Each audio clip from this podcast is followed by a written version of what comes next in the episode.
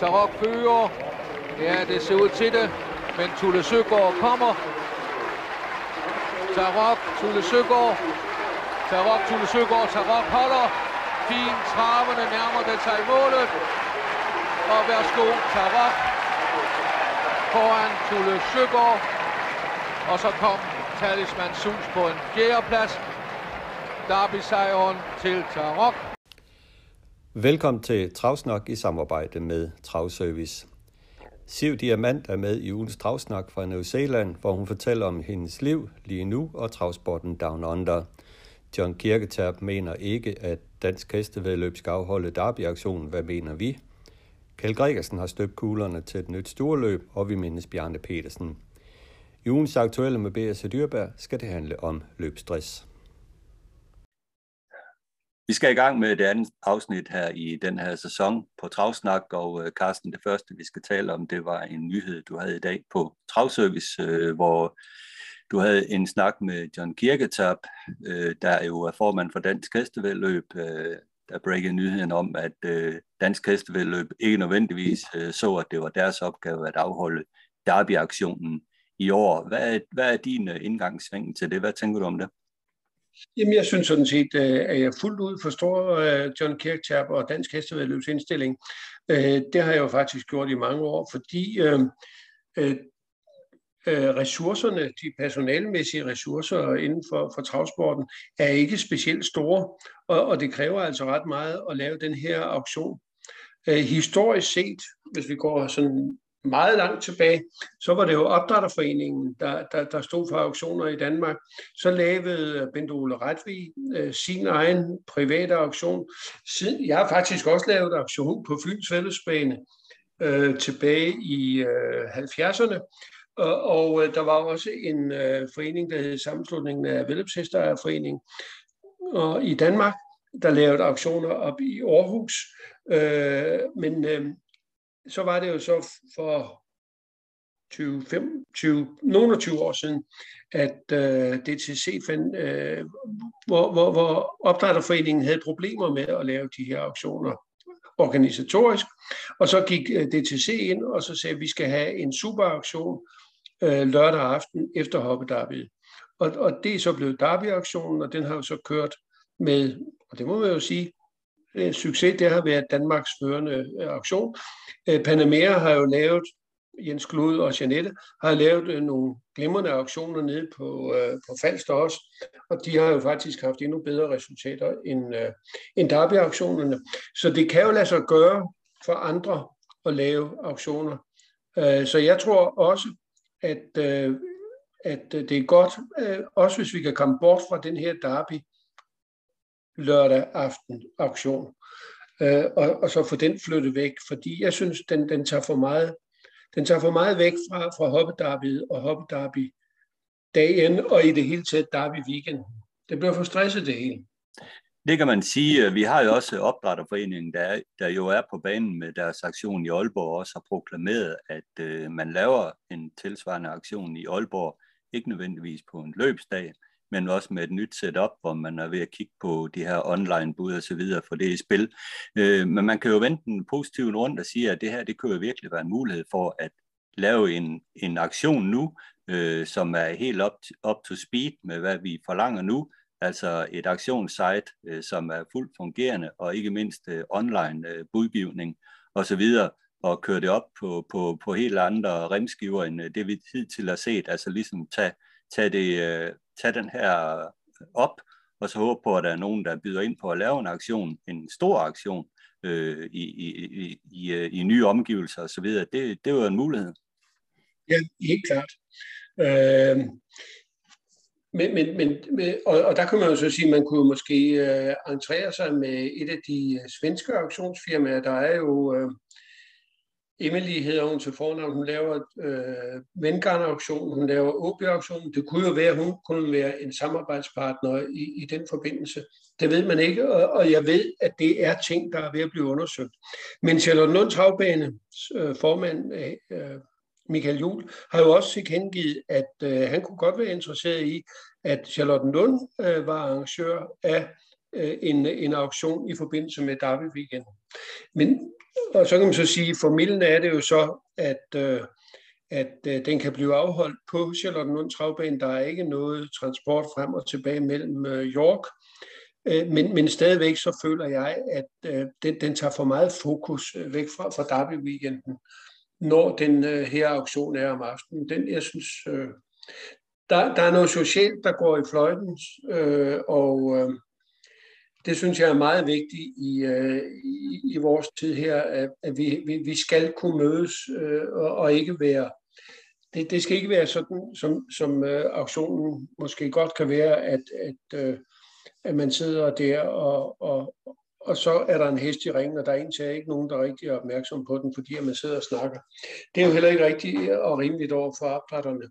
Så derfor så mener jeg, at vi skal se efter en anden dato for en ordentlig orientaktion. Og, og det er en select auktion. Derby-auktionen er en select auktion. Det kan vi lige så godt erkende, og det har den jo været, fordi øh, DTC sagde, at vi skal begrænse den til 68 eller 70 heste.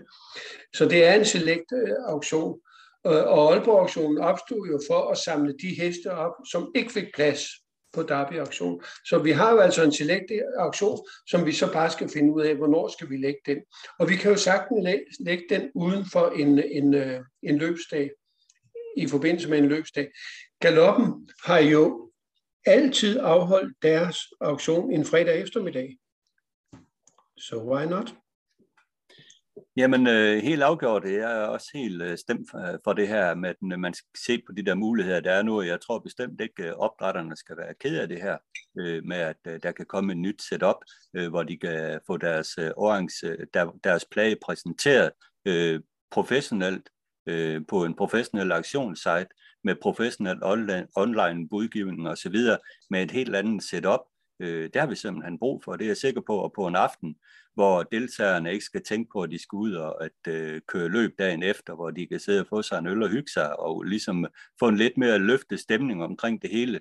Fordi det er noget af det, jeg synes, man har manglet på derby-aktionen. Altså stemningen, den har sgu, øh, for at sige det rent ud, været, været øh, lidt småtam, øh, den der aktion, at øh, overvære. Øh, der skal lidt mere svung over det hele. Så er jeg sikker på, at det også kan give priserne et øh, løft. Man kunne jo forestille sig i princippet, en ren videoauktion, altså hvor man øh, sad inde på, nu siger jeg NIMP i København. Der har været eftersyn af hestene om eftermiddagen ude på Charlottenlund Travbane, og auktionen den blev holdt på NIMP. Øh, der er lavet video af, af de øh, heste, der skal præsenteres, og så bliver de simpelthen bare solgt der. Der er ikke noget med, at hestene de skal ind i nogen ring eller noget som helst. Dem har du haft mulighed for at kunne se øh, om eftermiddagen på, på, på Charlottenlund. Det var jo måske en mulighed. Absolut. Altså, jeg synes, at alting er åbent, og jeg synes ikke, at der er nogen, der skal være, være ked af den her udmelding om, at øh, Dansk Hestevedløb ikke ønsker at øh, tage del i den her derby-aktion øh, længere. Jeg forstår udmærket godt deres argument, om, at det ikke er nødvendigvis er dem, der skal stå bag det, have den udgift og øh, bruge den tid på det, som, øh, som, øh, som det vildt kræver. Så, så det synes jeg faktisk er, er fair nok, og øh, i dag på Dansk Hestevedløb øh, kom der jo netop nyheder over, over antallet af bedækkede hopper, og øh, det er jo sådan set øh, status quo, man tilsniger sig til at sige, at der er en lille fremgang, men altså, ja, det er, det er ikke værd at nævne den her fremgang, der er, men trods alt øh, status quo og antal øh, danske bedækkede hopper nogenlunde, og øh, trods alt også en stor stigning af antal øh, bedækkede danske hopper siden 2015, hvor det er en stigning på 48 procent.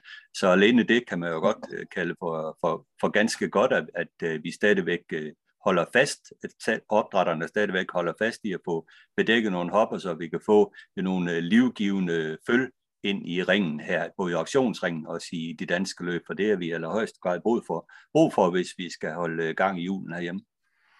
Ja, jeg ved ikke, om du selv har kigget på artiklen. Der er jo også noget med hængstene, hvor øh, en snapshot jo øh, ryger op som øh, topscoren med 71 øh, bedækket og Great Challenger med 60 øh, bedækket hopper. Og øh, det er jo en overraskelse, Carsten, at det de to hængste, der stadigvæk, selvom de har virket i avlen i, i, i Danmark i rigtig mange år efterhånden, stadigvæk er det mest benyttet. Ja, altså det er jo, det er jo meget sjovt, du siger det her som nyhed. Jeg mener altså, jeg skrev det i øh, november måned eller noget den stil så, så ja, for mig det, er det ikke... Ja, men det er rigtigt nok, men, men det der ligesom er nu uh, i det, det er jo, at nu er de endelige tal endelig klar, altså de dinalfaste tal. Uh, da du skrev ja. om det i sin tid, var alt ikke på plads endnu. Okay.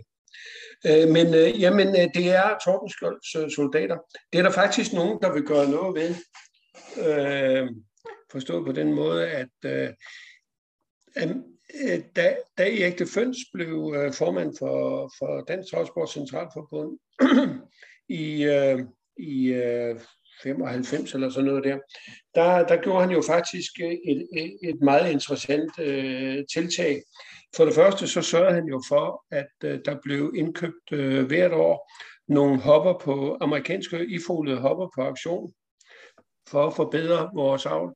Men samtidig så fik han jo lavet aftale med, øh, ejeren af SJ's foto med henblik på at få frossen sæd for den der til en skæv pris, og også med Giant Chill. Øh, og nu ved jeg, at der er kræfter i gang med at, at forsøge at lave noget, ikke på samme måde, men noget, der i hvert fald også kan være med til at bidrage øh, til, en, øh, til en forbedring af, af den danske traveravl. Så, og det hører vi nok nærmere om øh, i løbet af et par uger eller tre. Jamen, det lyder da spændende. Alle gode bidrag har vi brug for. Det, man også lige kan trække ud af den her liste, det er jo, at den nye hængst Beer Summit øh, har trukket 48 hopper op på Shadow, og at Gugu Gaga øh, har 41 registrerede øh, øh, hopper øh, bedækket ved denne. Øh, det er jo en pacerhængst, og det samme er Heden hernår, øh, der har 12 registrerede bedækkede hopper. Ja, og især det er jo interessant, at Heden hernår har fået så mange hopper, ikke? Fordi det, det, det, det, det, det, det øh, tyder jo på en vis øh, interesse i at prøve noget nyt og helt spændende. Jamen det er jo alle 53 hopper, som øh, har, har, har et stærkt indslag af paceblod rullende i, i de afkom, som de eventuelt øh, øh, foler. Så jo, det, der er virkelig noget at se frem til der. Man bemærker også, at der er hele 30, 30 hopper, der er bedækket ved Maharaja, og øh, det kan man jo kun glæde sig over, det Maharaja jo er champion-hængst i Sverige, og en af verdens bedste avlshængster. Og i Norge. Spændende. Og i Norge, ja. Så øh, det er meget, meget spændende det her med alle de her Maharaja-afkom. De kommer jo til at hæve øh, niveauet i de danske overgangsløb væsentligt, og ja, bliver ikke det mindste overrasket, hvis vi ser øh, Maharaja-afkom øh, vinde kriterier Derby, når vi kommer dertil.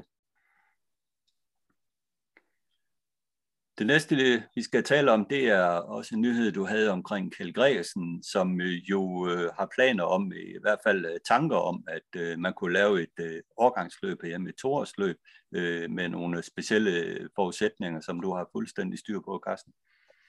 Øh, ja, øh, Kjell Gregersen har jo fået nyt liv efter, at Claus Storme er ude af dansk travsport.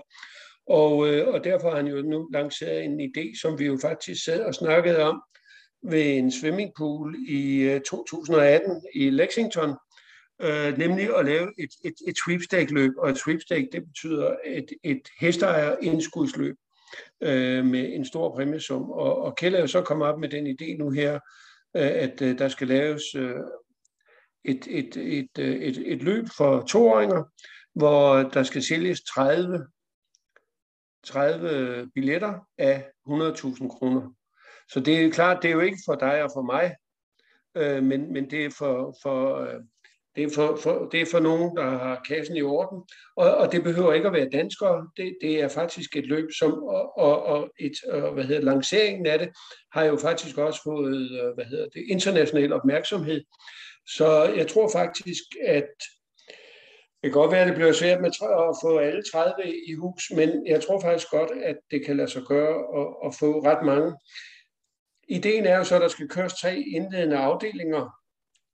En på Volvega i øh, Holland, en på Solvalla og en på, på Charlottenlund, hvor så også finalen den skal køres på givet tidspunkt. Og det, det har så været oppe, at finalen skulle køres øh, i Derby-weekenden. Det holder jeg personligt ikke med, for jeg mener, at det her løb det er så stort, at det skal have sin egen øh, placering Øh, og, og også være med til at, at trække interessen for, for, for hestesport og travsport i Danmark. Og det vil det gøre, fordi jeg kan ikke forestille mig, at der ikke er noget dansk medie, som vil være interesseret i at omtale et løb med en, en, en, en første præmie på 2 millioner kroner, som der vil være i, i det her løb. Så det er meget, meget spændende tanker. Øh, de er endnu lidt på tegnebrættet. Øh, René Jensen har fået det nu, et oplæg, som øh, han øh, skal kigge nærmere på og også finde ud af, kan det lade sig gøre at placere det på løbskalenderen i, øh, i 2022. Øh, Kjell har jo også tanker om, at det her det faktisk skulle være et løb for både et, hvor du både køber dig ind som toårs, for en toåring og for en treåring. Og, og, og det, der jo er det geniale ved det her, det er jo, at hvis du har to heste, og du ved ikke, hvad for en, der bliver den bedste, så kan du vente med indtil to-tre uger før øh, løbet til indledende afdelinger med at navngive den hest, som du vil have, der skal udfylde den billet, som du har. Hvis nu du også har de der to der, og det viser sig, at det er to kameler, så kan du sælge din part til anden side. Du kan måske tjene på den, du kan måske også sætte til på den. Så, øh, så, så der, der er mange muligheder, og der er flere aspekter i det her. Absolut, altså det sidste aspekt her, det er jo i hvert fald øh, nytænkning, det er der ingen tvivl om, øh, men nu vi kigger på, at det skal være toårsløbet, det er i hvert fald udgangspunktet, så kommer det jo også i karambolage med Breeders Course-løbene, som, øh, som jo køres lidt efter det samme koncept, øh, dog ikke med det sidste aspekt, du nævner her. Ja, øh, ja nu, nu er jeg ikke lige helt klar på, hvornår er toårs Breeders Cross øh, køres, men, men de har jo de har jo i, øh, i anførselstegn kun, kun 100.000 euro i, øh, i, i præmiesum, hvor det her der altså vil få øh, øh noget, der ligner øh, 280.000 euro, ikke? Så, så det vil jo komme til at overstråle under alle omstændigheder. Mm-hmm. Men det tegner jo også, hvad siger du? Det er klart, det, det er svært lige pludselig at komme ind fra højre og så sige, nu vil vi lave sådan et løb. For det første, så skal løbets organisation op, og Claus Kok er med ind over, og, øh, og han kender jo til de ting, som der skal til for at kunne øh, opbygge og, og, øh, og administrere sådan et løb. Og så samtidig så skal du have terminerne på plads, ikke? Og så skal du have folk til at købe ind. Jo, selvfølgelig. Og så tegner det jo også et billede af det, det som man ser i andre lande, og nu også her i Danmark, at uh, travsporten, når det gælder de her toppen og så videre, så er det jo efterhånden blevet en sport for, for rigmænd.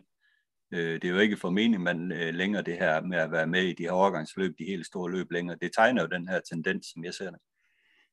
Ja, men ellers så skal du og jeg og otte andre slå sig sammen, og så give øh, 10.000. Så kan vi også købe en part.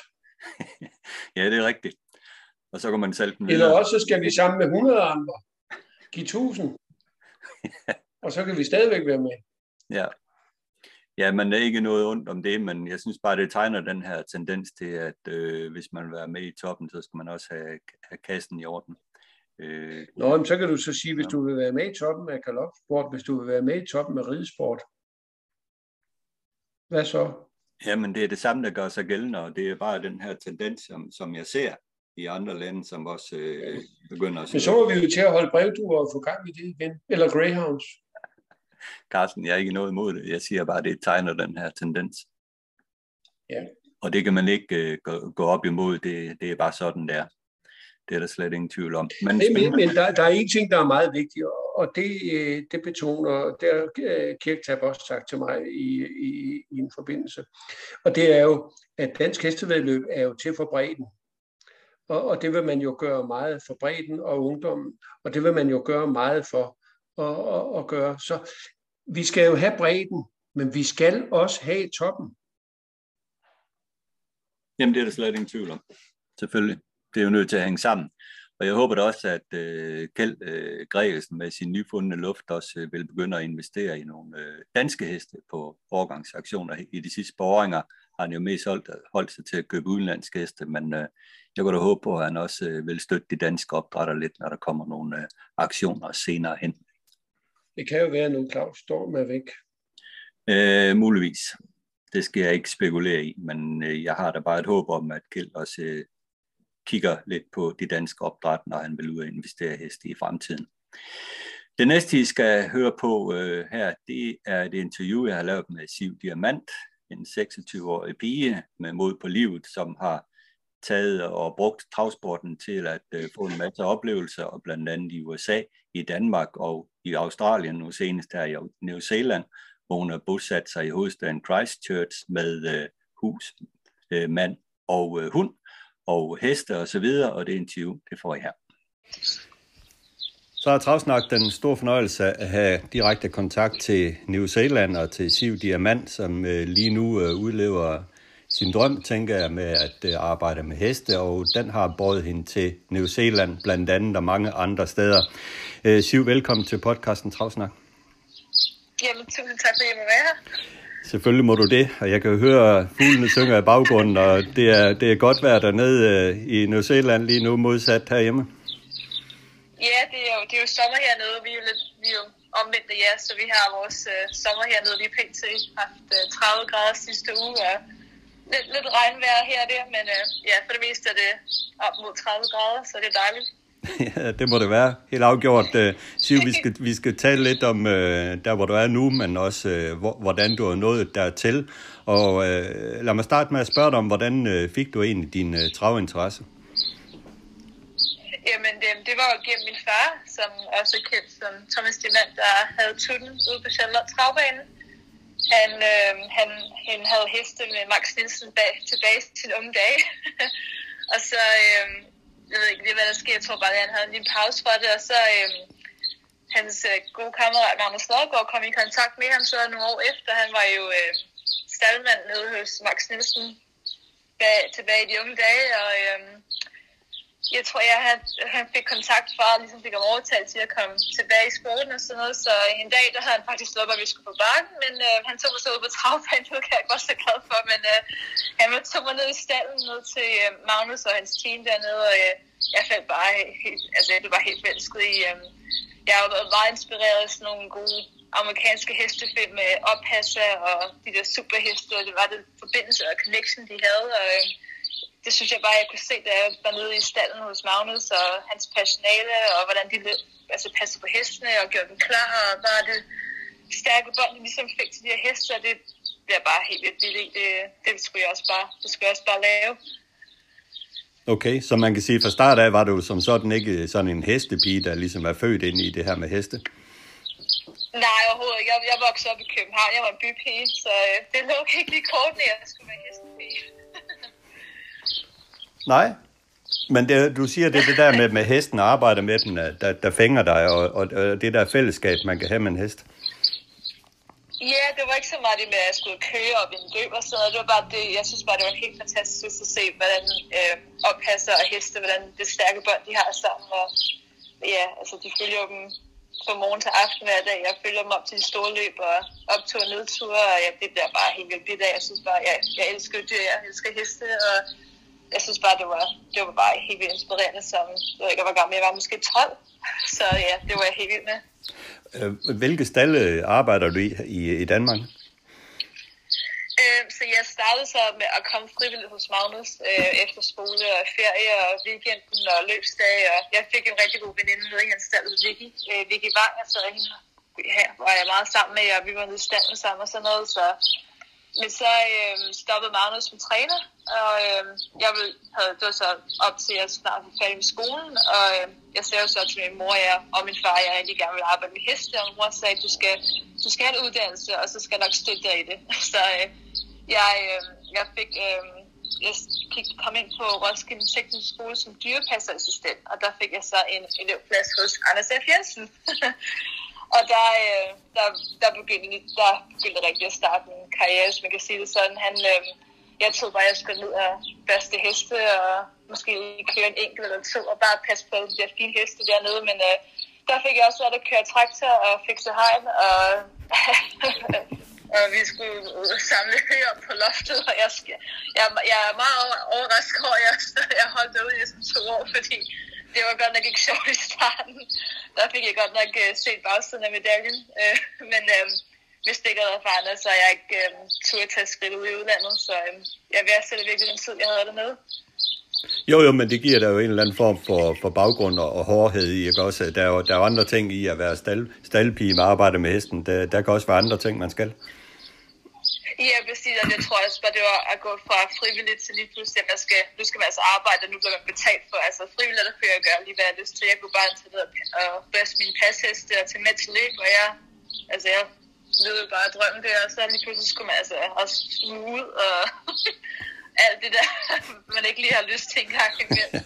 Der var Men, også øh, arbejde men bagved. det er- Ja, det, det fik jeg lært på den, på den hårde måde, men ja, ja, på en eller anden måde, så elsker jeg det stadigvæk. Øh, jeg, jeg sætter virkelig Anders og Maria. Øh, de øh, passer godt på mig, og også deres personale, de passer godt på mig dernede, og ja, de visper bare ligesom, de byggede mig godt op på starten, så det, den tid, den værdsætter jeg virkelig. Er der andre trænere hjemme, du er hos, inden du drager ud i den store verden? Ja, så jeg når lige til... Øh, efter Anders, der så tager jeg så til USA nogle måneder.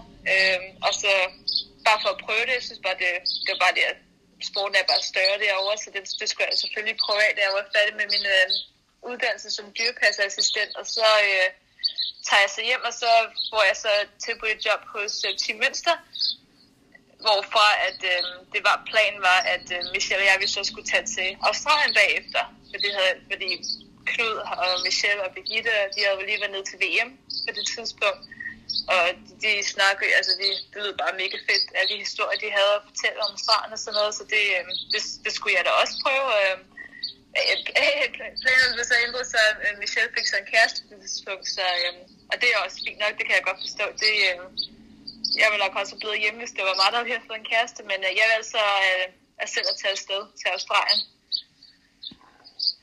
Jeg må sige, det er jo, det er jo et kæmpe, kæmpe skridt at tage at rejse om på den anden side af jordkloden for at øh, passe heste. Du, du nævner øh, øh, familien Mønster, der inspirerer dig. Var der andre ting, der også øh, træk i dig dernede? Ja, men jeg, jeg mødte jo øh, øh, Camilla Meyer i, øh, i Amerika. Hun arbejdede for Nancy Takter, øh, og jeg arbejdede for Jonas Sejersen på det tidspunkt. Og hun fik så et job, jeg tror, jeg, jeg tror næsten hun nåede lige hjem i nogle sekunder, og så tog hun direkte afsted til Australien, og det var så igennem hende, ja, fordi jeg, jeg, jeg havde ingen idé om, at jeg skulle kontakte Australien. Jeg havde ingen kontakter, og det var så hende, der, øh, der nævnte for sin chef, om der var nogen, der havde let efter noget staldpersonale, og det, det gjorde de så, så øh, det var så igennem Camilla, og hun, hun var allerede dernede, da jeg fik jobbet, og hun, altså, hun roste til skyerne, hun, jeg tror, hun lød det virkelig dernede, og det var bare, altså, det var bare meget anderledes dernede, øhm, så ja, det, det glæder jeg mig helt vildt til, da jeg fik jobbet. Hvad sagde din familie til, at du skulle til Australien?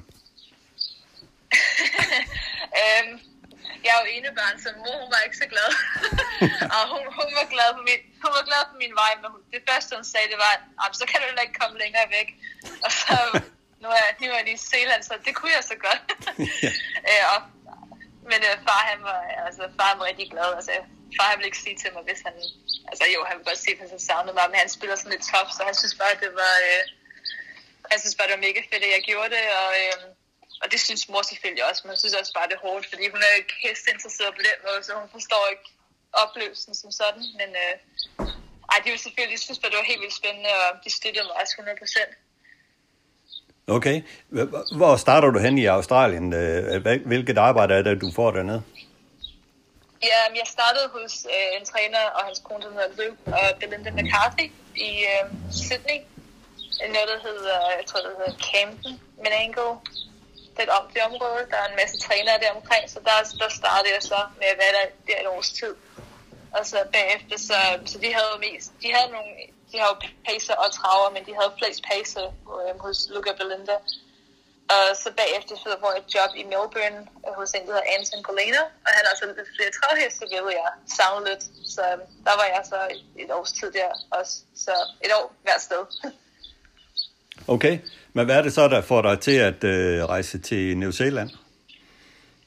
Jamen, jeg, så, jeg var i Melbourne, og der øh, havde jeg lidt problemer med et visa, fordi det, det jeg, jeg ved ikke hvorfor, men det var bare blevet sværere og sværere at ansøge for et visa. Øh, og det visa, jeg skulle ansøge om, det var det gjorde mere kompliceret, fordi der er alt for mange, der havde ansøgt for det visa, så det, min chef sagde, det så lidt sort ud, fordi jeg havde, han havde en masse franskmænd på det tidspunkt, han sponsorerede, så han, han kunne ikke sponsorere flere. Så han sagde, at øh, hvis jeg virkelig gerne ville være der, så kunne jeg, jeg skulle, jeg skulle ud af landet, hvis jeg skulle ansøge for et visa. Så han sagde, jeg, jeg havde ikke så mange penge på det tidspunkt. Han sagde, altså hvis du, altså hvis, jeg kan jeg meget gerne betale din billet hjem, hvis du vil hjem, og så kunne du ansøge for visa, eller så er du mere end velkommen til at prøve New Zealand. Det er kun tre timer den ene vej, hvor at Danmark det var ligesom som 30 timer den anden vej, så øh, og det, det er måske lidt same same, øh, Australien og New Zealand, så øh, igennem en, øh, en for, øh, for travmiljøet i Australien, der fik jeg så et job hos hans kammerat, som er travtræner i New Zealand, og der fik jeg så mit første job, så jeg tænkte, nu skal jeg godt prøve det. Kun tre timer væk herfra, så hvorfor ikke? Jamen, det er jo det. Det er jo det. Du er jo rejseløsten, kan jeg forstå yeah. på dig. Du er ikke bange for at tage nye udfordringer op, kan man roligt sige. Og så ankommer du til Nej, New Zealand og, og starter hos en træner, som jeg kan forstå på dig har været er lidt øh, kontroversiel dernede. Ja, han er lidt speciel, og han er, han er hård at arbejde for, men øh, hvis, du, han, øh, hvis, du, hvis du bare giver dig selv 100%, så vil han også gøre alt for at hjælpe dig. Så øh, han, han er hård, men, øh, men du skal bare lige kunne finde ud af ham, og så, så, kan, så kan du godt finde ud af at arbejde for ham. Han, øh, han, han, så jeg havde jo ikke min licens, da jeg startede i New Zealand, og han, han sagde til mig en dag, at du kan så godt finde ud af at køre. Du skal altså have din licens. Især hvis du skal tilbage til Australien, så må du lige så godt få din licens. For der, jeg havde kun planlagt at være i New Zealand for tre måneder. Men øh, jeg blev bare bidt af det, fordi jeg, han, jeg tror nok, han var den første, der ligesom troede på mig, og øh, han ligesom skubbede mig ud af min comfort zone, og han ligesom blev med at presse mig, selvom jeg ikke, altså, selvom jeg ikke sagde, at jeg kan ikke mere, jeg, jeg, det kan jeg ikke finde ud af. Så blev han bare ved med at, altså, ligesom, at skubbe til mig, og øh, det resulterede så, at jeg fik en kørelicens ned, og øh, han, jamen, han, ham og hans familie, de passede godt på mig, og de hjalp mig ligesom med at få en bil øh, og et sted at, at bo, eller et værelse hos en nede af vejen, og han hjalp mig ligesom med at få nogle øh, altså connections, få en omgangskreds og noget, for jeg kendte ikke nogen i New Zealand. øh, ja, jeg endte så med at være sammen to og et halvt år. Okay. Men lad os så tage tiden frem til nu. Hvor er du hen øh, nu i, i verden i New Zealand her øh, fire år senere? Ja, så nu jeg er stadig i Christchurch, øh, hvor jeg var fire, år, fire og halvt år siden, og så øh, arbejder jeg for en træner, der hedder Grant Payne, øh, en ældre her. Øh, han, han har i hvert fald arbejdet med nogle rigtig, rigtig fine heste tilbage i tiden, han har bare lidt mindre øh, team lige pt, men øh, han, er, han har været en kæmpe støtte i, at, at øh, da jeg skulle ansøge for min øh, trænerlicens, fordi de gør lidt anderledes hernede. De, øh, hvis du skal ansøge for din trænerlicens, så skal du næsten ligesom allerede have alle tingene, så du skal have en hestetræning, du skal have din egen løbsvogn, du skal have et sted at træne fra, du skal have din egen farver. Altså, du skal, have, du skal ligesom have det hele, før du kan ansøge. Og det er lidt, det er lidt dyrt at starte ud med sådan noget, så han har været en kæmpe hjælp. Han er, altså, han er, jeg har fået lov til at, at, at øh, have min hest på hans gård, og han har hjulpet med at få en lidt billigere løbsvogn, og han har, ja, han har bare været en rigtig god hjælp og en kæmpe støtte øh, hele igennem min træningkarriere, eller træningkarrieren har ikke været så lang endnu, men bare med at komme i gang. ja. Men du er også kommet fantastisk i gang, kan man sige, med din trailerlicens. I din tredje start, der vinder du øh, et løb på en græsbane med uh, The Peacemaker, en otteårig pacerhopper efter yeah. som beat, som være, som, som jo blev kaldt uh, Sandy i dagligdagen. Uh, hvordan var det at uh, suge første år målstregen der? Ej, men jeg, jeg tror så, jeg, jeg, jeg, jeg rigtig komme over det nu. Jeg sidder stadigvæk og ser løbet en gang imellem, bare fordi jeg lige mig selv i armen, at det rigtig skete. Jeg har været rigtig, rigtig heldig med hende, Sandy. Hun, øh, øh, det var min tredje start i min karriere, og hun startede ud med en anden plads, hvor hun lige stod med en, med en, med en mule, og så var hun lidt uheldig en anden gang, da jeg, da jeg startede hende, der sad hun døden, så det, og det var pisseløs regnværsdag, så jamen, det var hun ikke så glad for, men så så, så nominerede jeg hende et øh, lærlingløb hernede. Øhm, jeg på græsset, hvilket var hendes første gang på græsset. Og øhm, jamen, altså, det var, vi fik spor to, vi var bare altså, perfekt. Og så vidste jeg godt, at jeg skulle op, jeg, jeg ville være til spil, komme til spids hurtigt, og så vidste jeg også godt, at de ville komme rundt om mig. Altså, det var perfekt, hun lige kunne følge nogle af de sidste par hundrede meter, og lige kom, der lige hullet kom, så hun kunne øh, lige købe vi dem alle sammen, så det var jeg, jeg kunne ikke rigtig komme over det, vi kom først over stregen. Det har været en, det har været en rigtig, rigtig hård rejse at komme dertil. Jeg, jeg, jeg, endte med at ikke køre i to år hernede, fordi jeg bare jeg gav op. Jeg kunne bare ikke, jeg havde ikke nogen uh, motivation, og det var bare hårdt at få køretur. Det, det, det, er en, det er en meget hård industri at komme ind i, fordi de næsten er sammen og relateret til hinanden. Det er jo meget familieagtigt. Um, for, forretning her. Det er jo, alle kender alle, og alle er kusiner, eller fædre, eller onkler, eller... okay, så, så man skal ligesom være inden for, inden for, der, inden for varmen der, for at få chancerne? Ja, yeah, når der kommer sådan nogle lærlingsløb, junior races, når de kommer op, så ringer, så så ringer man selvfølgelig op til træneren og spørger, om man kunne, om, om de allerede har en, en, en, en kusker, hvis de, altså hvis de ikke havde, så vil jeg ringe, så vil jeg bare sige, ja, jeg er available og det der, men de siger, ah, at jeg har lovet min køretid til hende og ham, og nogle, nogle af dem kunne ikke engang forstå, hvad mit navn var, så det var op og bakke i starten, så det, det var bare fedt, at jeg kunne træne min egen hest og gøre hende klar og, og vinde med hende. Det var bare, bare lige fedt at vise, at jeg kan godt finde ud af det her, og jeg har ikke, jeg har ikke brug for min morfar, min onkel og min kusine og til at hjælpe mig fra min karriere, så det var bare, ej, det var bare fantastisk. Ja, det var bare en øh, dansk pige med to ben i jorden og og, og hår på brystet, kan man sige, som, uh, som er en fighter. Ja. Det kan jeg jo høre på dig, så det må jo være stort at vinde det løb. Ej, jeg, var, jeg, var, jeg havde glædestårer, da jeg kom først over stregen. Det var, havde jeg helt sikkert. ja, og det er jo en hest, som du ejer sammen med din uh, far, uh, Thomas. Uh, uh, hvordan tog han imod den sejr? Ej, men han var, altså han, han skrev og skrev, for han, jeg tror ikke, jeg kan helt finde ud af mit tidsforskel. Han skrev han skrev allerede til mig, altså så det løb, det var omkring klokken 3 om eftermiddagen, så han skrev allerede til mig klokken 6 om morgenen, har du kørt? altså nej, ikke, ikke endnu. Og så, så da jeg vandt, øh, der var, så var det jo så klokken 3 om morgenen derhjemme, så han så jo først en besked senere, men han var, han ringede, altså han ringede mig op lige med det samme, og han, han var simpelthen så stolt, og han var også ærgerlig over, altså han elsker at kunne være der, øh, og det kan jeg også godt forstå, men det er jo bare så svært med corona, og man kan ikke bare lige tage en smuttur herned, men øh, han var simpelthen så glad. Det, jeg tror, det var det største ønske, at jeg endelig fik den sejr. ja, det er klart. Men Siv, hvis du skal fortælle lidt om uh, sporten dernede på New Zealand, uh, trav- og pacersporten, hvad er, hvor, hvor stor forskel er der? Altså, hvor mange, er, er, jeg formoder, der er mange flere pacerløb, end der er travløb. Ja, der, ja, der er helt, der er meget flere, der er flere, um, hvis du har, altså, når du nominerer din pacer, så synes jeg også bare, at der er flere valgmuligheder. Der er flere distancer, og øh, de går, altså den måde, de sådan, har det hernede, det er sådan great. Øh, de, så du starter ud som en R50, hedder det. Øh, og så får man ligesom, du får syv point, hvis du vinder. Hvis du bliver nummer to, så beholder, så er du stadigvæk det samme nummer, og hvis du så ikke er i top 4, så mister du så et point. Så, øhm, og det, så der kan være løb, altså hvis da jeg købte min hest, der var jo en R44, hedder det. Og så var der en masse løb, der hedder 40 to 50, som ligesom er hun ligesom op mod sin egen klasse, og så øhm, kan der være 60 to 90 øhm, med pacerne, hvor traverne, det, der kan en to års hurtigt være op i, i løb mod, altså fem år, så, så nogen, der er helt op der i R80, altså der er bare ikke så mange muligheder for traver hernede, og hvis du kigger i programmerne nu, så er der kun 2600 meter, øh, for traverne, altså de, de regner ligesom med, at traverne de kan bare være i samme kategori, og så er der bare flere valgmuligheder for pacerne. Okay. Hvor at, altså, det er jo ikke altså nogle er bare mere til sprint, og nogle er mere til langdistance.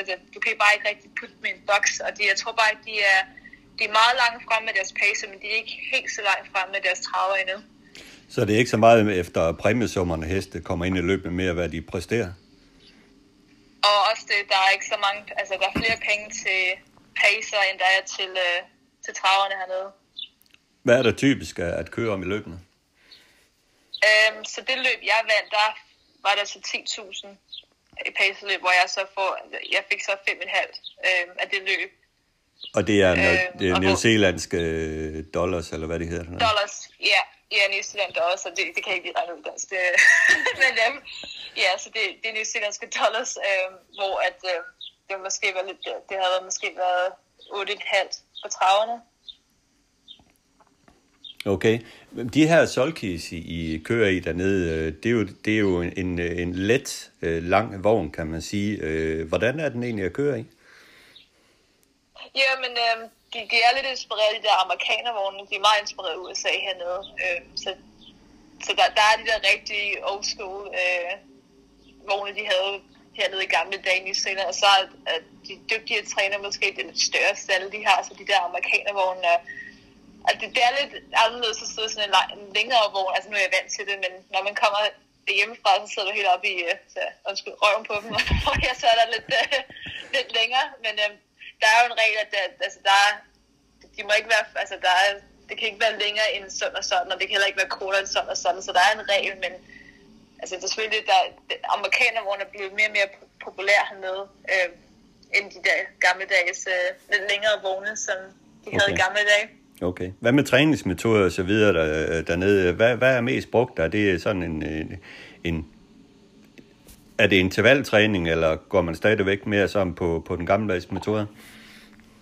Ah, det, det er meget, meget gammeldags. Øh, rigtig gammeldags. Det er, de går øh, så typisk dag øh, hernede. Altså, de bliver trænet efter øh, bogen. Det er ikke noget med, den, at nogle heste får specielt behandling. Det er meget de går langsomt mandag, så kører de hurtigt tirsdag, så går de langsomt onsdag, så kører de hurtigt torsdag, så går de langsomt fredag, og så får de rigtig godt hitter, hitter om lørdagen. Og hvis de er heldige, så får de søndag fri, men hvis de starter næste uge, så kan de også gå langsomt igen om søndag, så de øh, okay. er siger, siger til, at de får lov til at arbejde lidt. Ja, det skal jeg love for. Øh, og så må dem, de heste, der kan klare det, de, de, må, de må klare sig, resten må væk så. Ja, præcis. Øh, så, så er de bare nede, og så skal de bare ud. Men, øh, og, og det de også gør forkert, de træner deres travle, lidt ligesom de træner deres pacer. Det synes jeg bare, altså pacen, de er måske bare lidt mere tough, fordi øh, du kan køre dem lidt mere, fordi du føler lidt mere sikker, når de er deres hoppes på. Du skal ikke rigtig, altså de galopperer ikke så hurtigt. Altså jo, selvfølgelig de yngre, yngre heste kan godt galopere. Øh, hvis de, altså når man lige prøver deres hoppes af, så gør nogle lidt, lidt strammere, og nogle er lidt for, lø, er lidt, lidt for lange, så, altså, så de kan godt galopere, men du føler bare, at du kan køre lidt hurtigere med dem, hvor traverne, det, det prøver de ligesom at gøre med dem, men det, det kan de bare ikke, så de, øh, de er ikke rigtig blevet så kreative endnu, og de tror stadigvæk, at de kan, altså, de skal begge to træne samme måde, ved jeg, ved jeg, jeg ikke synes, de kan, men øh, altså, de er meget gammeldags hernede, og de har måske ikke så meget viden, og de, de, gør, de gør jo bare, hvad deres bedste far gjorde, og, altså, tilbage generationer, ikke? så de, ikke, de er bare ikke rigtig så meget, så meget fremme hernede. Nej, men der har du måske en uh, lille mulighed der for at få din egen niche med, med lidt anderledes træning så. Ja, yeah, det var jo ligesom derfor, jeg ligesom fik min træningslids, for jeg var sådan lidt træt af at se på det. Øhm, de, øh, lidt, altså, man prøver ligesom at indbyde lidt sin, altså, hvis nu du prøver det og det, fordi altså, hvis, hvis den, når, hvis den er hård på den ene linje, så, så får de bare en rigtig, øh, hvad hedder det, så får de jo en øh, hovedstang på, hvor der er de der prickles on, altså de, så, ja, pigge på, så hvis de læner så meget, så bløder de, hvilket, er hvilket kan fikse problemet i 5 sekunder, men det, det fikser ikke problemet i længere sigt. Altså, altså, prøver man at sige til dem på en pæl, det kan også godt være, at den føler, den har måske ondt et sted, fordi den træner hver eneste dag. Ah, men det har jeg ikke styr på, sådan noget. Så det var lidt derfor, jeg, jeg tænkte, nu er det nok, nu vil jeg have min egen træner selv, så nu vil jeg gøre tingene på min egen måde, og, øh, og de, de fik jo hjertestop, da jeg sagde, at jeg gav min hest, hun får altså fri no, nogle dage om ugen. Det, jeg kunne huske, den træner, jeg var hos, da jeg fortalte ham, at den jeg skulle træne med hest, han faldt over, at han grinede så meget. Han sagde, at hun bliver aldrig klar til at gå til, at hun bliver aldrig klar til at løbe på den måde. Det bliver aldrig klar til. Så er han det fint nok. Ej, så, så blev hun to på sit første dag, og så, jeg kunne huske, at jeg kom op til at bagefter, og så sagde jeg, Nå, men jeg har tænkt mig at gøre sådan og sådan med Sandy for søster, så altså, jeg siger ikke noget, hun gik fantastisk, jeg siger ingenting, det er vir- åbenbart, det virker. ja, men det er jo fedt. Så, ja, det var, det var fedt lige at vise, at det, det kan godt, altså du behøver ikke altså, at arbejde, at du, skal, du behøver ikke træne dem så hårdt for, at, at de viser resultater, altså du må også, du, altså, du skal også passe på dem, og de skal også ligesom hvile, og altså, mm. de hænger jo, fordi at de, de går rundt og rundt i ring hver anden dag, og også så de går langsomt, men de, de går jo altså hurtigt arbejde rundt, rundt, rundt i ring hver anden dag. Altså, det er ikke noget at til, at de begynder altså, at have hovedstang og Murphy, og jeg skal gating strap, og jeg skal sit, og jeg skal, altså ja, det, det siger lidt til selv, men de, de ved bare ikke så meget, altså, Nej. de er ikke lige så fremme derhjemme. Okay. Ja, det er faktisk imponerende at høre på, vil, vil jeg sige, at det er sådan. Men øh, Siv, du, du, du er langt hjemmefra, og øh, venner og familie kan ikke bare lige komme forbi. Du nævner også corona. Får du aldrig hjemme ved? Åh, oh, jo, en gang imellem, det gør jeg selv. Hvis det er min fødselsdag, eller juleaften, eller hvis mine forældre har fødselsdag, eller bare hvis der er noget, altså en stor begivenhed derhjemme, så kan jeg godt mærke, at øh, øh, så kan jeg godt savne lidt, altså jeg også dansk mad, og bare ting, små ting som det, men øh, det, det hjælper at have travlt hernede, fordi man tænker ikke så meget over det, og jeg, jeg håber jo på, at alt det her corona, det ligesom, altså, går sin gang på et tidspunkt, og min familie kunne måske altså spare sammen, og, og komme herned på en, bare en ferie, sådan noget, en længere periode, og se, hvad jeg laver sådan noget, så det er bare med at se positivt til det, men det, er, det har været hårdt, især lige da corona ramte første gang, der synes jeg godt nok, det var lidt stramt. Ja, det er klart, men, men indtil videre, så er du på New Zealand Christchurch med din kæreste og hund og hest og det hele, og, og, og hygger dig. Ja. ja, det er rigtigt, ja. Uh, vi har lige købt hus her i Christchurch, min kæreste og jeg, og ja, vi har vores hund, og så har jeg jo så for overtaget lige at have nogle anpar af min hest, så, øhm, så det, det går fint hernede. det lyder rigtig godt. Super at snakke med dig, Siv. Det var en fornøjelse. Jamen, tak. Jamen, tak, og dejligt at snakke med dig også. Det var en ære at være med i dit øh, podcast. Selvfølgelig. Det var så lidt. Ja, Carsten, du har jo også øh, talt med øh, Siv Diamant ved tidligere lejligheder og kender hende. Hun er lidt af et øh, livsstykke, en pige med mod på det hele. Ja, det må jeg sige. Jeg kender jo mest hendes far, Thomas, og han er jo også et livsstykke og, og drev jo i flere år tutten på, øh, på, på Sjælland Travbane. Og, og så har jeg faktisk, øh, har han sagt, øh, kendt ham lige siden, at han var, var en stor dreng. Øh, men øh, men det, det er flot, det Siv, hun har gjort. Hun er kommet til øh, New Zealand nu her. Startede, øh, hun har arbejdet hos en træner, startede øh, sin egen træningsstal, og første gang, at hun øh, er til start, ja, så vinder hun et, et pacerløb med en øh, amerikansk født pacer, tror jeg faktisk. Ja, men det er, øh, så, det, det Peacemaker, en 8-årig. 8 ja, The Peacemaker. Som, som, ja. Ja, ja, og som Beat Somewhere er jo en af, det er jo verdens bedste pacerhængst. Så, så det, det er meget flot. Den er havnet på New Zealand. Ja, det må man sige, og den er jo far til Hayden hernår, så vidt jeg husker, så ja. Det er den også, ja. Ja, også det. Ja, sådan er det jo. Så nej. Men, men, men, men det er sjovt med Siv, det er sjovt med Siv, øh, øh, at hun er sådan taget om på den anden side af jorden, og så har skabt sig en karriere. Det er flot. Ja, det er rigtig flot, og jeg synes, det er modigt gjort, det, det må jeg sige, og, og på den måde øh, rejse rundt. Men det siger også noget om, hvad man også kan bruge travsporten til, øh, det her med, med at komme ud og opleve øh, verden og skabe sig en til, tilværelse ved hjælp af travsporten. Det tror jeg da godt, at der er mange unge mennesker, der godt kunne tænke på, når de øh, går og må ud i stallen kl. 6 om morgenen, og synes, det er lidt surt, at man også kan komme uh, ud i verden og opleve ting. Ja, det er jo simpelthen et spørgsmål om personlighed og øh, hvor meget du tør. Det er præcis. Det næste, vi skal tale om, øh, det var også en, en mand, der turde, og han gjorde meget, og han gjorde det med stor personlighed. Det er Bjarne Petersen, som netop øh, desværre afgået ved døden. Han har levet et øh, liv med heste, Karsten, og øh, en mand, som du kendte ganske godt. Ja, jeg lærte jo Bjarne Petersen at kende øh, i forbindelse med, at, at øh, Billund Trav var under opbygning. Der, øh, han, øh, han, så jo tidlig, han var bogtrykker i Vejle, og, og så tidlig en, øh, en niche med at, øh, og, øh, at sælge heste, og, og lavede et firma, der hed Hestebørsen, Øh, og der udgav, han var bogtrykker i det har jeg sagt, øh, og, øh, og der udgav han så et lille hæfte med de der heste, som han så formidlede til, øh, til salg. Øh, og det foregik på den måde, at man henvendte sig til Bjarne, så fik man telefonnummeret til ejeren, og så købte man jo så. Øh, men øh, Bjarne var jo også med i den initiativgruppe, som var bag Billund Trav og, og rejste rundt jo og gjorde Øh, opmærksomhed på, øh, på Billund. Og, og efter man sådan set havde fået, afgjort, øh, fået aftalt med Billund Kommune, hvor banen skulle ligge, der fik Bjarne så arrangeret noget, der hed Hestival. Øh, og Hestival og festival, det løber meget op i hinanden. Og det her Hestival, det var jo faktisk sådan en markedsdag, men så fik han også arrangeret løb på den her, øh, på den her mark, der lå uden for Billund på det tidspunkt.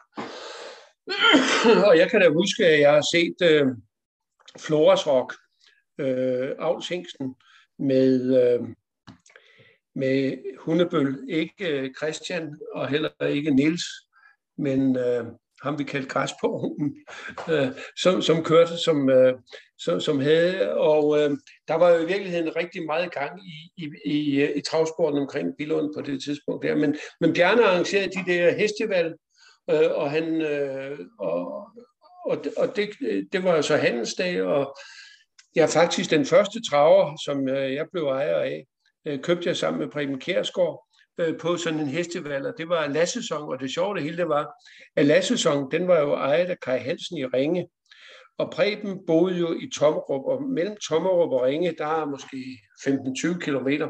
Så det var jo langt at tage til Billund for at købe en hest, kan man sige, fra Ringe. Men, øh, men der, der købte vi øh, Lassesong der i, det har nok været 1969.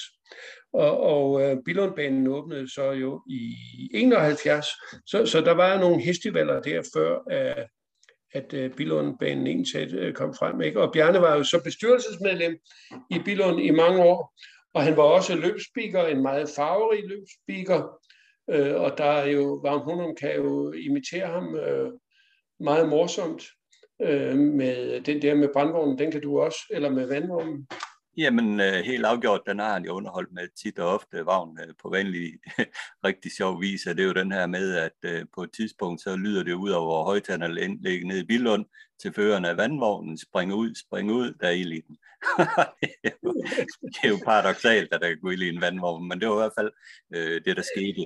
Og øh, han er jo også legendarisk for, at øh, han var lidt partisk i de løb, hvor han har spillet i, øh, fordi der var der også hørt før i over Billund Trav, at øh, der blev sagt i højtaleren, øh, kør nu Torkel, ikke? det er jo lidt. Og så var der også den... Men, øh, men øh, han steppede jo så ned fra, fra, fra speakertjenesten der, og så overtog Jens Hansen det, øh, øh, som jo faktisk kom fra Charlotte men flyttede til, til, til Billund i forbindelse med også, at øh, Ja, det ved jeg ikke lige helt, men, men han, han kom jo ned ved Jens Kaiser Hansen også. Nej, ikke Jens Kaiser Hansen. Hvad hedder han? Walter Kaiser Hansens bror. Ja, Jørgen Kaiser Hansen. Jørgen Kaiser Hansen. Ja, og der kom Jens øh, jo, og, øh, og, og Jens han kørte amatørløb, øh, og, øh, og når han gjorde det, så afløste jeg ham i, i tårnet efterhånden, så overtog jeg faktisk speakertjenesten på, på bilerne også i en del år. Ja. Men, det, øh, men, øh, men Bjarne blev jo også, øh, han var jo så også hesteejer. Han solgte jo mange heste i den tid med hestebørsen, og han opbyggede jo fantastiske forbindelser til Bent Ole Retvig. Bent Ole Retvig havde jo den øh, kongstanke, at han skulle gøre Jørgen Olsen til, til champion, så, så Bjarne fik jo simpelthen til opgave at støvsugemarkedet, vi skal have nogle vinderhæft. Og blandt andet så solgte han jo så Lasse Talliho til, øh, til Retvig og, og Olsen, og den blev jo, det var en helt tophest. Han solgte også heste til øh, Stal Hans og, og, og, og øh, Leif Løfgren, og selv havde han jo så også stor glæde af nogle amerikanere, Nevada Almehurst, Bubba Hanover, og ikke mindst Copperscott, øh, som jo var helt unik ved, at den vandt 18 sejre i træk, men med 12 forskellige kuske. Og det var, det var, det var dansk rekord på det tidspunkt, men alene det, at en hest den havde 12 forskellige kusker og vinde så mange løb inden i træk, øh, det, det var flot. Ja, det er rigtigt. Han var, han var legendarisk, Bjarne Pedersen, og man kan jo sige, at øh, han afgik øh, ved døden, også på samme tidspunkt, hvor Billund Travbane afgik ved døden, og der var jo i hvert fald et, kan man sige, tragisk sammenfald med det, men også et meget sigende sammenfald måske øh, med at en af banens øh, ildsjæle, stifter osv. dør på samme tid, som også Billund Trav går i grav. Men øh, æret være... Men han blev lidt ældre, men han blev lidt ældre end Billund Trav, for han var 88. Det er rigtigt. Så, men øh, nu har vi i hvert fald øh, mindet sammen lidt her, æret være hans øh, minde Bjarne Petersen. Næste punkt, vi skal tale om, øh, det, er, øh, det er noget, som er blevet frigivet her i ugens løb. Det er er værkt, de er værk, øh, sammensat af Allan Luft og Kjell Mikkelsen, som har øh, sammensat et, øh, et dokument, kan man sige, hvor man har gennemgået, hvor, hvor udgangspunktet er baner, banernes udformning, øh, er banerne her hjemme i, i Danmark øh, ikke tidsvarende, og dog øh, andre, rigtig mange andre emner, også i det her værk, som jeg virkelig kan anbefale, at man får downloadet, og det mener jeg faktisk, at man skal gå ind på KM Fotos hjemmeside, og så skal man øh, downloade rapporten som en pdf-fil, for det får man mest ud af. At sidde og scrolle rundt i det på sin PC eller telefon, det giver ikke så meget dertil, at det format ikke særlig godt, man husker at downloade det. Men øh, det er et flot øh, værk, som, øh, som de har skrevet der, øh, Carsten, og øh, et rigtig fint værk. Det er meget omfattende, og det er, jeg vil sige, det, det er jo meget nørdet, øh, og, og øh, det, det kræver jo god tid at, øh, at læse det, og også, øh, jeg synes nok, at, øh, at konklusionerne burde have stået lidt skarpere, end, end, end det gør. Men, men det er et fantastisk stort stykke arbejde, at Alan Loft har lavet, det er ingen tvivl om. Og det er også interessant, øh, der er nogle interessante betragtninger i det. Øh, ja, det er der. Jamen helt bestemt, og det er jo spændende at læse øh, Flem Jensen og Ken Egge, som hver sag svarer på de samme spørgsmål, og faktisk langt hen ad vejen er meget uenige om mange ting. Altså, selvom de er begge to trænere i Danmark og været det i mange år, så har de bestemt ikke de samme øh, meninger til tingene, blandt andet om skolen og så videre. Det er meget interessant at læse om, og også øh, der er udgangspunkt er en artikel med Timo Normers, øh, de spørgsmål, han har fået stillet, stiller man så videre til Flem Jensen og Ken og virkelig interessant uh, læsning. Og det her ting med, med, med, med de her med, med de danske travbaner, som, som skal have et løft, hvis vi skal op på niveau og have noget tidsvarende at, øh, at køre på, og også underlagsmæssigt osv.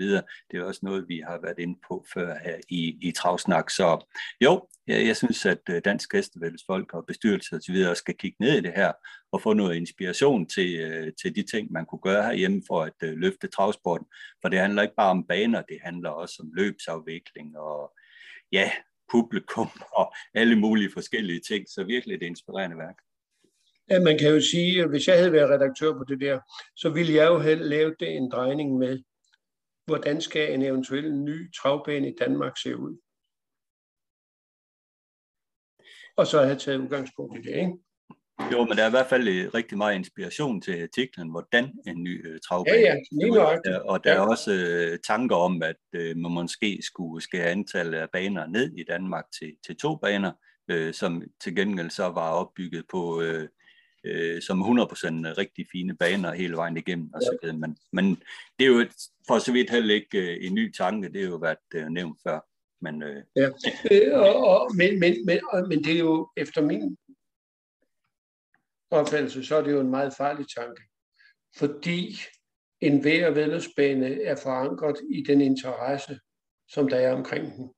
Og hvis du nedlægger Fyns vedløbsbane, så fjerner du interessen for travsport på Fyn. Hvis du lægger Charlottenlund travbane, så ja, det kan du næsten ikke fjerne mere, end, end, end der allerede er sket. Hvis du flytter den fra Skive, så fjerner du også interessen fra Skive. Det er farligt. Poul Mørk sagde, i virkeligheden så skulle der være en vedløbsbane på hvert, i hver by i, i Danmark. Øh, øh, så, men, men, men det er da rigtigt. Rent øh, driftsøkonomisk rent sportsligt ville det da være en fordel øh, kun at have to øh, store baner, en, en øst og en vest i Danmark. Men hvis vi kun havde det, så, så var sporten død. Ja, det er jo, det er jo lige nok til det. Altså, det er jo, det er jo en fejl vej at gå. Men øh, gå ind og læs det. kmfoto.dk Download det og øh, læs det igennem øh, en dag i god tid. Tag det med i sengen og hygge jer med det. Øh, det er en stor fornøjelse. Så chapeau herfra til, øh, til Allan Loft og Kjell Mikkelsen. Det sidste punkt i dag, det er fransk travsport, som vi jo i vanen tro følger stærkt med i her i vintermeetinget. Og på søndag køres jo det sidste B-løb, Prix de Belgique, med 15 deltagere. Øh, ingen af det, den helt store favorit, FaceTime Bourbon, er jo som bekendt ikke til start, men der er jo til gengæld øh, masser af kendte navne til start, og også nogle øh, nye blandt kasten. Ja, hvad hedder det? Øh, øh ja, der kommer 15 hest til start. Øh, Bayer Kesno, hun var sent til at blive slettet, øh, øh, så, så i lang tid var der faktisk til 16. Men øh, det ser ud, det er faktisk et meget åbent løb øh, på, på, på søndag. Jeg tror personligt, at give Gitte her i præg den her billedskønne hest, som, som øh, øh Fabrice Holoart, øh, træner, og Frank øh, Nivar, øh, kører, som var nummer tre i, i Prix d'Amérique. Jeg tror, den sidder lige i skabet på, øh, på, på, på søndag. Den, øh, den, øh, den var jo nummer tre i Prix d'Amérique, øh, og øh, gik jo så i stykker, og allerførst kom tilbage. Nu har den fået løb i kroppen, og nu tror jeg faktisk, den er lige helt klar. Jeg kan se, den er, ikke, den er kun meldt uden bagskud og med forskud. Jeg ved, jeg kender ikke dens normale balance, om det har nogen betydning, men øh, det er da i hvert fald også en af, en af de heste, den her Cocktail Jetson, som en af mine favoritter. Øh, Galius er ude igen, øh, øh, for ligesom at øh, møde eliten for allerførste gang. Den vandt jo øh, til, til Nordre Bund foran uh, Empire. Øh, ja. Skal nu rigtig ud og vest tænder mod de allerstærkeste? Jamen, jeg tror, det er øh, akkurat på samme måde som Kokstejl, Erik øh, Bondos hest, der vandt øh, Prix de Bourgogne.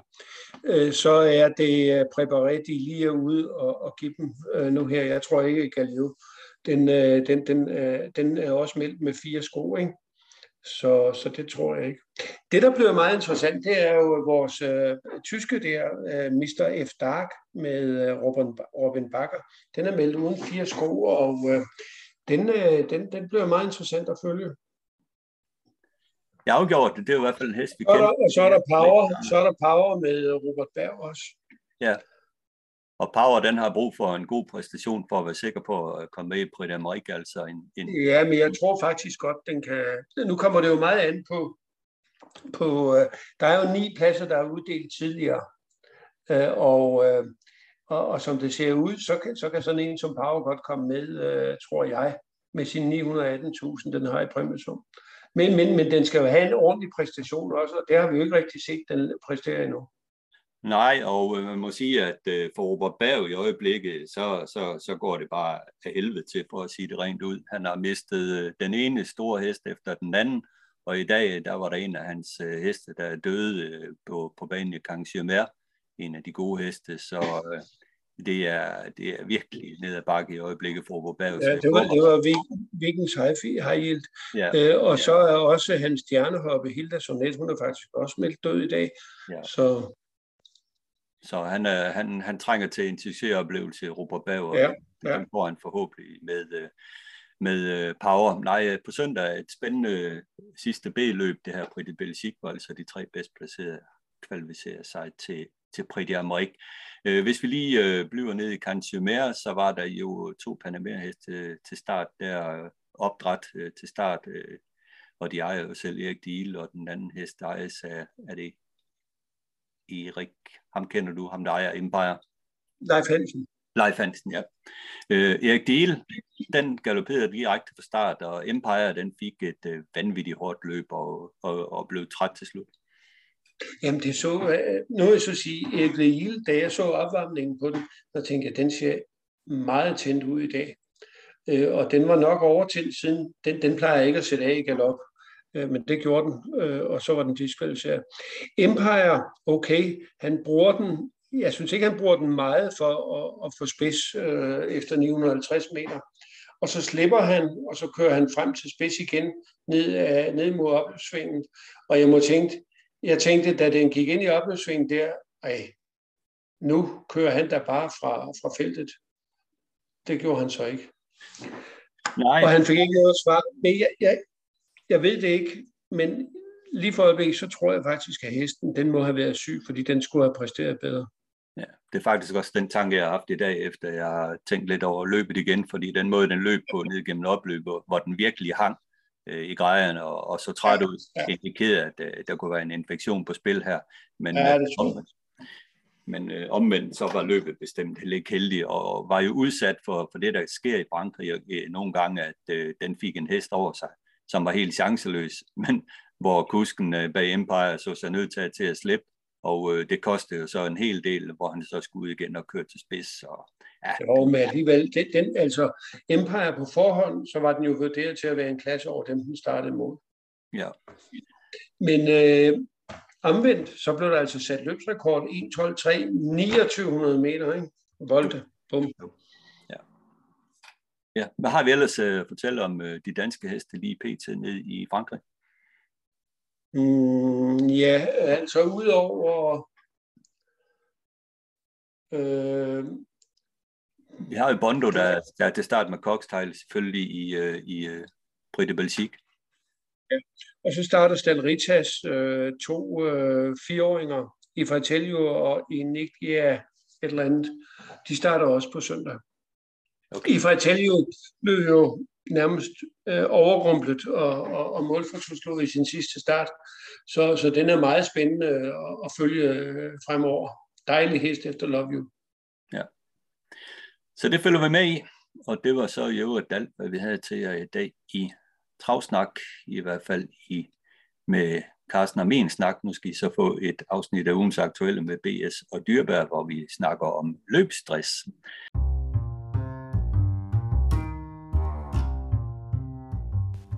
Ugens aktuelle med BS og Dyrbær.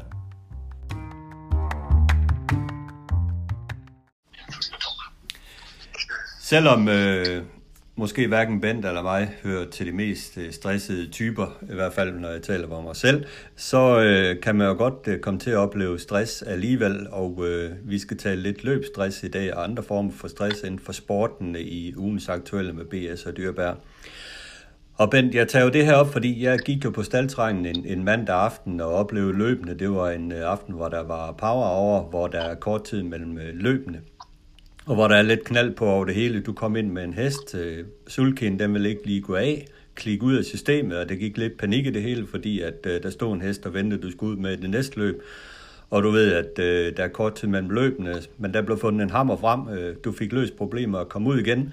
Men jeg tænker måske også, at det, det kan være med til at påvirke rytmen i stallen, øh, øh give en et eller anden form for stressstemning over det hele. Øh, kan du fornemme det?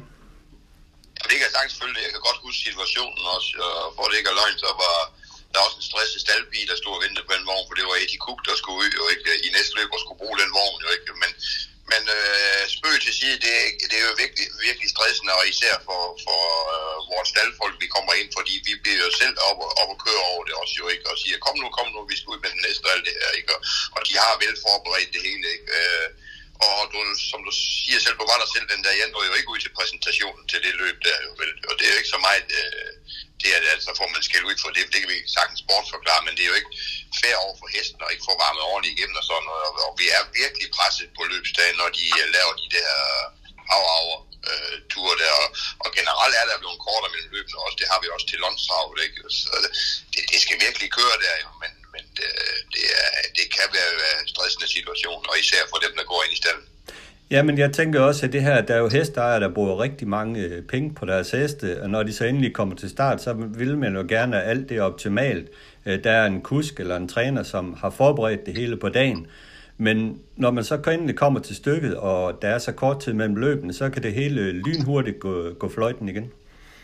Jamen det er jo det, de kan jo ikke, og, og det endnu større øh, stressproblem, det kan være i det hele, det er måske ikke stress, men det er opvarmninger for os kuske, der, øh, hvis, hvis nu, nu kører jeg jo ikke så mange løb mere, som, øh, som de her kastdriver, de gør, men de kan jo aldrig nå at varme hestene for os vel, og jeg så faktisk, at det blev taget op øh, af Jørgen Vestholm i, øh, i Sverige her i sidste uge nu her, de kører i øjeblikket der med, om, de skal, om kastdriverne, de skal have noget for at køre, Øh, det synes han jo absolut, de skulle, men så skal de også komme og varme hesten. Ikke? Jo, men det giver jo igen problemer, de, de der kastdriver derude i samtlige løb, de når jo ikke at varme en hest med det øh, få lidt tid af det, og som han sagde, det er hestejeren, der har brugt en masse penge på hesten, jeg vil gerne forberede den så godt som muligt, jeg vil gerne have kusken, der skal ud med, den kender den, og det, det vil jeg, jeg vil egentlig gerne selv varme også, men det kan jo af, af gode grunde ikke lade sig gøre med de der øh, tider, der er der.